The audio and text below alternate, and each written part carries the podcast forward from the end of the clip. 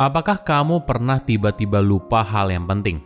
Apalagi ketika kamu misalnya sedang presentasi, lalu tiba-tiba blank dan bingung apa yang harus disampaikan. Dalam situasi tersebut, stres mungkin saja jadi pelaku utama. Stres bisa menguras daya di otak, membuat kita sulit mengingat sesuatu, dan jadi mudah membuat kesalahan. Jika kamu mengalami memory error, jangan tambah cemas. Ini bukan tandanya kamu mengalami masalah serius Mungkin saja ini merupakan tanda kalau otak kamu butuh waktu untuk istirahat dan memencet tombol reset. Anehnya, berpikir lebih keras tidak selalu berhasil. Tapi ketika kita mengalihkan pikiran ke hal lain, eh tiba-tiba saja kita mengingat kembali informasi yang dari tadi berusaha kita ingat. Halo semuanya, nama saya Michael. Selamat datang di channel saya, Si Kutu Buku. Kali ini saya akan bahas kalau stres bisa menguras energi dalam otak dan bagaimana cara mengatasinya. Ini merupakan rangkuman dari video TED Talk Nicole Byers yang berjudul How Stress Drains Your Brain and What to Do About It dan diolah dari berbagai sumber.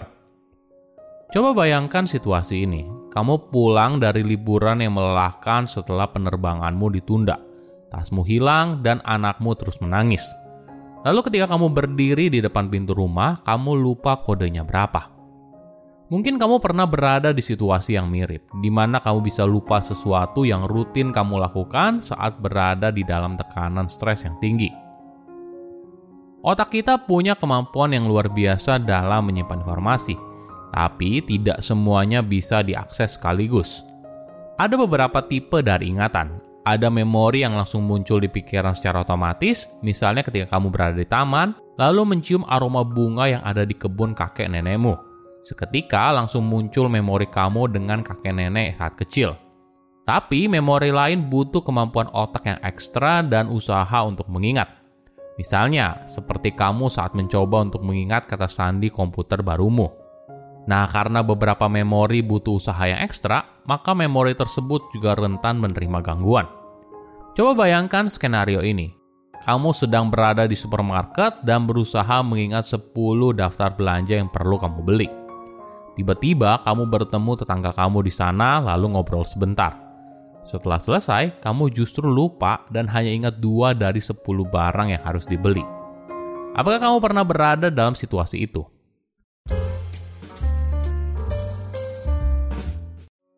Walaupun memori penyimpanan otak kita luar biasa besar, tapi ingatan jangka pendek mudah sekali dilupakan. Kenapa? Karena kita berada dalam dunia yang penuh dengan gangguan. Mulai dari notifikasi handphone hingga tab browser yang tidak relevan dengan apa yang kita kerjakan. Otak kita membutuhkan banyak energi untuk tidak memperdulikan gangguan yang muncul dan prioritas yang selalu berusaha mengambil alih pikiran kita. Jadi wajar saja ketika otak kita berjibaku dengan ratusan informasi, kemungkinan besar akan terjadi error dalam memori. Misalnya kita bisa saja tiba-tiba lupa siapa nama rekan kerja, atau tiba-tiba blank saat presentasi dan sebagainya. Hal ini diperparah apabila kita sedang mengalami stres. Tidak perlu stres yang berat, tekanan hidup sehari-hari seperti deadline dan sebagainya juga menguras energi di otak. Kita mungkin berada pada situasi yang penuh tekanan dan begitu banyak hal yang harus dikerjakan. Dalam kondisi mumet, kita merasa kalau kita tidak punya energi lagi untuk berpikir. Ini tidak salah, stres memang membuat otak kita jadi sulit untuk memecahkan masalah dan mencari solusi kreatif. Nah, apa sih tipe stres yang berbahaya? Apakah stres kecil juga bisa berbahaya? Mungkin perlu dipahami kalau kata stres sering kali digunakan untuk mendefinisikan banyak hal. Stres yang kamu alami sebelum ujian tentu saja berbeda dengan stres yang kamu hadapi sehabis mengalami kecelakaan. Secara umum, lebih banyak stres tentunya lebih buruk, dan stres jangka panjang lebih buruk daripada stres jangka pendek. Namun, ada beberapa faktor tambahan yang membuat stres jadi lebih berbahaya. Pertama, stres yang tidak bisa diprediksi. Manusia pada dasarnya tidak suka dengan kejutan, apalagi kejutan yang merugikan diri. Jadi, misalnya ketika kita bisa mengantisipasi sebuah kejadian yang membuat kita stres, hal ini membuat kita jadi lebih siap. Kedua, jangka waktu stres. Jika kamu mengalami stres soal acara kantor besar yang akan diadakan bulan depan, atau stres dalam menghadapi ujian akhir, stres yang kamu alami punya titik akhir, di mana kamu sadar kalau setelah selesai, maka kamu akan lega. Tapi jika sebuah stres ibaratnya tidak ada ujungnya, misalnya kamu stres soal hutang dan cicilannya setiap bulan selalu menumpuk, maka hal ini mungkin lebih sulit untuk dihadapi. Ketiga, kurangnya dukungan. Ketika seseorang menghadapi stres, orang yang mendukung mereka di masa sulit sangatlah berarti, baik dalam bentuk materi maupun moral. Jadi, ketika ada orang di sekelilingmu yang sedang mengalami stres, mungkin dukungan yang kamu berikan bisa sangat bermanfaat bagi kesehatan jiwanya.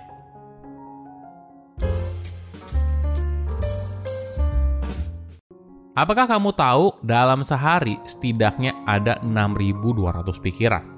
Banyak sekali kan? Jadi tidak aneh jika perhatian kita mudah sekali teralihkan. Nah, bagaimana caranya untuk meningkatkan kemampuan kita dalam mengingat? Mungkin ketika kita lupa sesuatu, hal pertama yang kita lakukan adalah berpikir keras, berusaha untuk mengingat. Apakah berhasil? Belum tentu.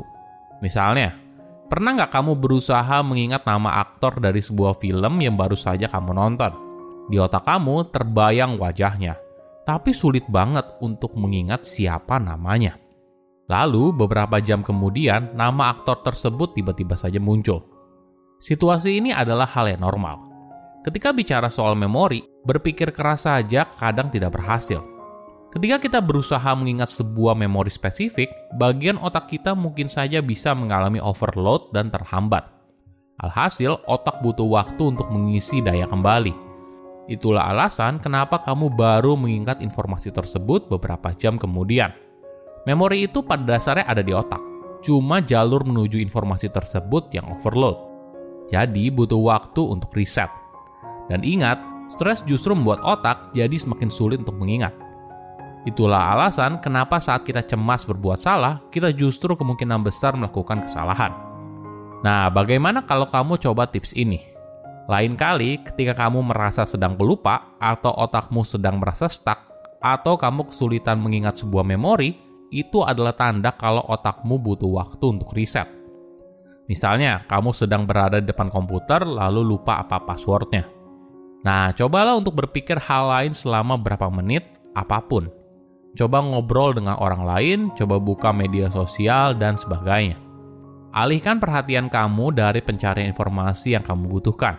Dengan cara ini, kamu sedang mengaktifkan bagian otak yang lain dan memberikan waktu bagi jalur memori yang kamu butuhkan untuk recharge dan reset. Silahkan komen di kolom komentar pelajaran apa yang kalian dapat ketika tahu informasi ini. Selain itu, komen juga mau tahu informasi apa lagi yang saya review di video berikutnya. Saya undur diri, jangan lupa subscribe channel YouTube Sikutu Buku. Bye bye.